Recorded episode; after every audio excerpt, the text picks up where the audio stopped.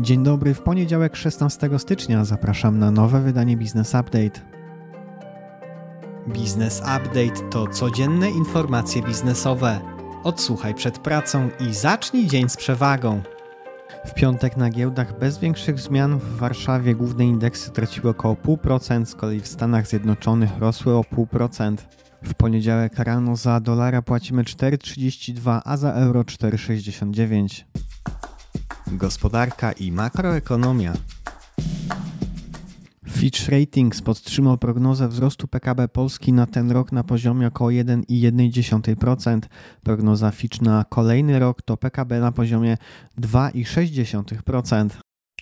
GUS potwierdza grudniowy odczyt. Inflacja konsumencka wyniosła około 16,6% w ujęciu rocznym. W porównaniu z listopadem ceny towarów i usług wzrosły o 1,1%. Inflacja średnioroczna wyniosła 14,4%. W styczniu inflacja w Polsce może wzrosnąć o około od 6 do 8% miesiąc do miesiąca, jak podał członek Rady Polityki Pieniężnej Ludwik Kotecki. Wrócił VAT na wiele produktów, co zdecydowanie podbije inflację. W lutym inflacja rok do roku może być bliska 20%. Ministerstwo Spraw Zagranicznych przekazało do ONZ list w sprawie wsparcia przy odzyskaniu reparacji od Niemiec. Przewidywane jest spotkanie w tej sprawie. Wiadomości z Unii Europejskiej ponad połowa niemieckich firm ma trudności z zapełnieniem wakatów z powodu braku wykwalifikowanych pracowników. Według badania niemieckiej Izby Przemysłowo-Handlowej odsetek firm borykających się z trudnościami w zatrudnieniu jest najwyższy w historii. Z 22 tysięcy badanych firm aż 53% zgłosiło niedobory. Nawet 50 tysięcy aktywistów protestowało w Niemczech w Luceracht, gdzie RWE chce wznowić i zwiększyć wydobycie węgla. Jedną z zatrzymanych była Greta Thunberg. We Francji trwa reforma emerytalna, rząd Francji planuje podnieść wiek emerytalny z 62 do 64 lat w 2030 roku. Reforma spotyka się z protestami społeczeństwa, trwa nawoływanie do publicznych, masowych protestów. Wiadomości ze świata Goldman Sachs uważa, że wzrost gospodarczy Stanów Zjednoczonych wyniesie w tym roku między 0,9 a 1,5%, zaś w strefie euro bank oczekuje spadku od 0,6% do 0% wzrostu. Spadki przewidywane są również dla Wielkiej Brytanii od 1,3% do 0,7%, natomiast w Japonii spodziewany jest wzrost między 1 a 1,6%. Indie i Stany Zjednoczone utworzyły grupę roboczą, aby pracować nad rozwojem zrównoważonych łańcuchów dostaw i pobudzeniem handlu obustronnego. Grupa ma początkowo skupić się na ułatwieniach w handlu, cyfryzacji procedur celnych oraz kwestiach związanych ze zrównoważonym finansowaniem i zwiększaniem skali innowacyjnych czystych technologii. Informacje biznesowe. Teraz Rafako wezwało Tauron o zapłatę 606,5 miliona złotych, m.in. za szkody wynikające z naruszenia dóbr osobistych i wydłużenie realizacji kontraktu. Premier Mateusz Morawiecki uważa, że to błędy po stronie kierownictwa w obu firmach doprowadziły do impasu i poradził zaangażowanie mediatora. Creotech Instruments, spółka notowana na GPW, wykona projekt z zakresu telekomunikacji kwantowej na zlecenie Komisji Europejskiej. Odbędzie się to w ramach programu Horizon Europe oraz EuroQCI. Budżet projektu to 7 milionów euro, z czego mniej więcej 4 przypadnie Creotech Instruments. Spółka będzie rozwijać komunikację kwantową w zakresie opracowania certyfikacji produkcji zaawansowanych systemów kwantowej dystrybucji klucza. EDF oraz Respect Energy zawarły umowę o współpracy w zakresie rozwoju projektów energetyki jądrowej w Polsce.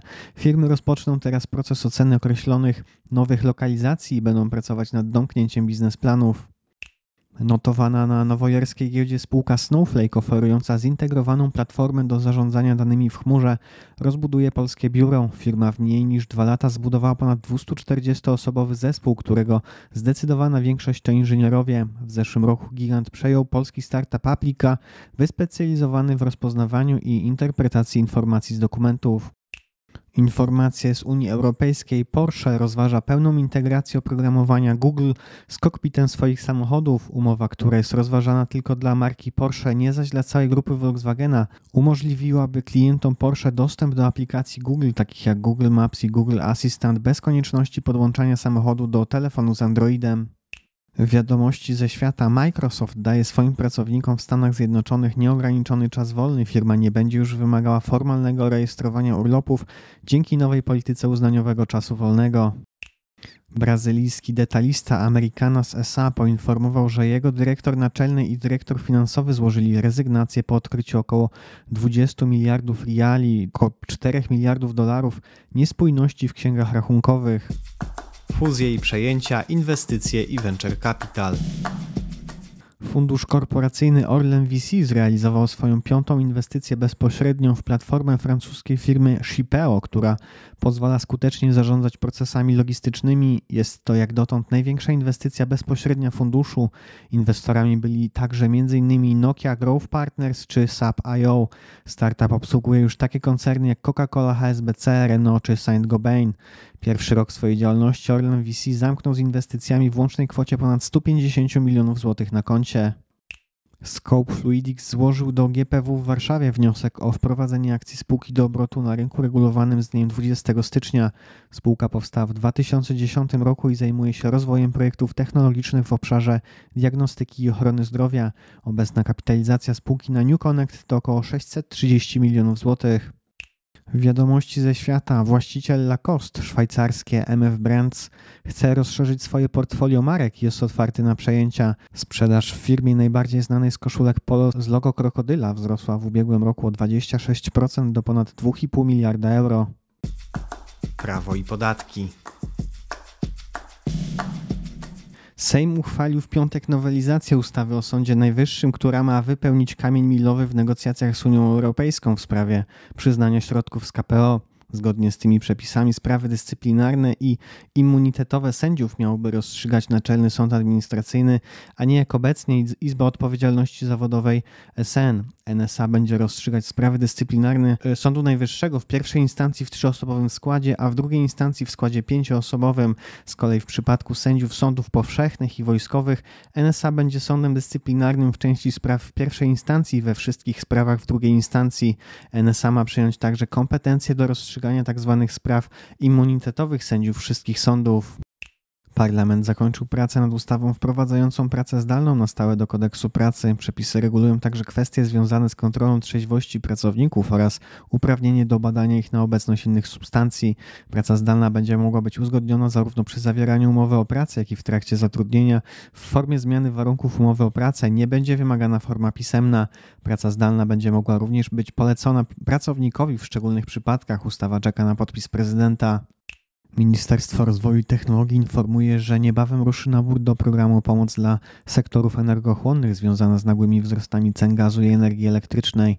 Do programu będą kwalifikowały się prze przedsiębiorstwa prowadzące swoją działalność w Polsce, które spełniają łącznie dwa warunki. Pierwszy to koszt zakupu energii elektrycznej i gazu ziemnego stanowiły co najmniej 3% wartości ich produkcji w 2021 roku lub 6% wartości produkcji w pierwszej połowie 2022 roku.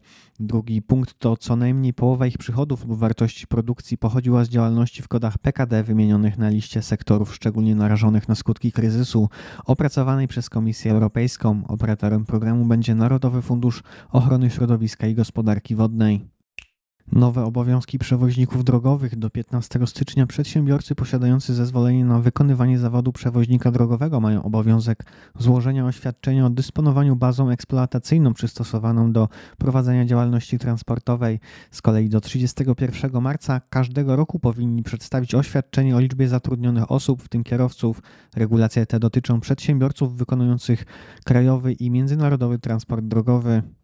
Opodatkowanie najmu prywatnego fiskus w tym zakresie wyjaśnia, że przychodem podlegającym opodatkowaniu ryczałtem od przychodów ewidencjonowanych są jedynie otrzymywane przez wynajmującego kwoty czynszu. Pozostałe należności przekazywane przez najemców tytułem np. opłat eksploatacyjnych nie stanowią ani przychodu, ani przysporzenia majątkowego wynajmującego. Naczelny Sąd Administracyjny orzekł, że przepis wyłączający z kosztów uzyskania przychodów kary umowne i odszkodowania z tytułu VAT dostarczonych towarów, wykonanych robót i usług nie obejmuje kar umownych za niedotrzymanie terminu realizacji. Możliwość zaliczenia tych kar do kosztów podatkowych powinna być analizowana za każdym razem pod kątem ich związku z przychodami. Mazowiecka Krajowa Administracja Skarbowa zatrzymała przesyłkę z Chin, która zawierała prawie 180 tysięcy tabletek na potencję. Wszystkie miały trafić do jednej z warszawskich firm. Ich szacunkowa wartość rynkowa to ponad 8 milionów złotych. UOKiK informuje, że prowadzone przez urząd postępowanie wyjaśniające względem praktyk stosowanych przez banki przy wcześniejszej spłacie kredytów hipotecznych nadal są w toku. W opinii urzędu w sposób najdalej idący naruszały prawo praktyki Santander Banku Polska. Wiadomości z Unii Europejskiej. Rzecznik Generalny Trybunału Sprawiedliwości Unii Europejskiej 16 lutego ma przedstawić swoją opinię w rozprawie dotyczącej prawa banku do wynagrodzenia za bezumowne korzystanie z kapitału po unieważnieniu umowy. Wyrok Trybunału ma rozstrzygnąć, czy bankom należy się wynagrodzenie za kapitał wypłacony w ramach umowy kredytu frankowego, który został unieważniony. Wyrok będzie miał wpływ na sektor bankowy. Wiadomości ze świata Adidas przegrał sprawę, w której żądał zapłaty odszkodowania w wysokości prawie 8 milionów dolarów od domu mody Toma Browna. Adidas próbował powstrzymać projektanta przed używaniem wzoru z czterema paskami, które miały wprowadzać konsumentów w błąd poprzez skojarzenie z trzema paskami, znakiem firmowym Adidasa. Ostatecznie ustalono, że produkty obu firm mają odmienne grono konsumentów i nie zachodzi ryzyko wprowadzenia ich w błąd. Wiadomości rynkowe. Według GUS najem długoterminowy podrożeje w tym roku o 14,4%. W zeszłym roku był to wzrost o 5,1%. Zmiana wpłynie na umowy, w których była wspomniana waloryzacja stawek. Łódzka Izba Rolnicza ostrzega przed jakością kukurydzy sprowadzanej z Ukrainy. Zawartość mykotoksyn przekracza dziesięciokrotnie normy i nadaje się jedynie do spalenia. To już wszystkie informacje w dzisiejszym wydaniu podcastu. Nieco więcej informacji w newsletterze, a tam, tam także źródła do wszystkich informacji. Na newsletter można zapisać się na businessupdate.pl. Jeżeli nasz serwis jest pomocny, będziemy wdzięczni za polecanie go. Bardzo ważne też są dla nas oceny na Spotify, Apple Podcast czy Google Podcast. Ja życzę Państwu owocnego poniedziałku i całego tygodnia. Do usłyszenia jutro.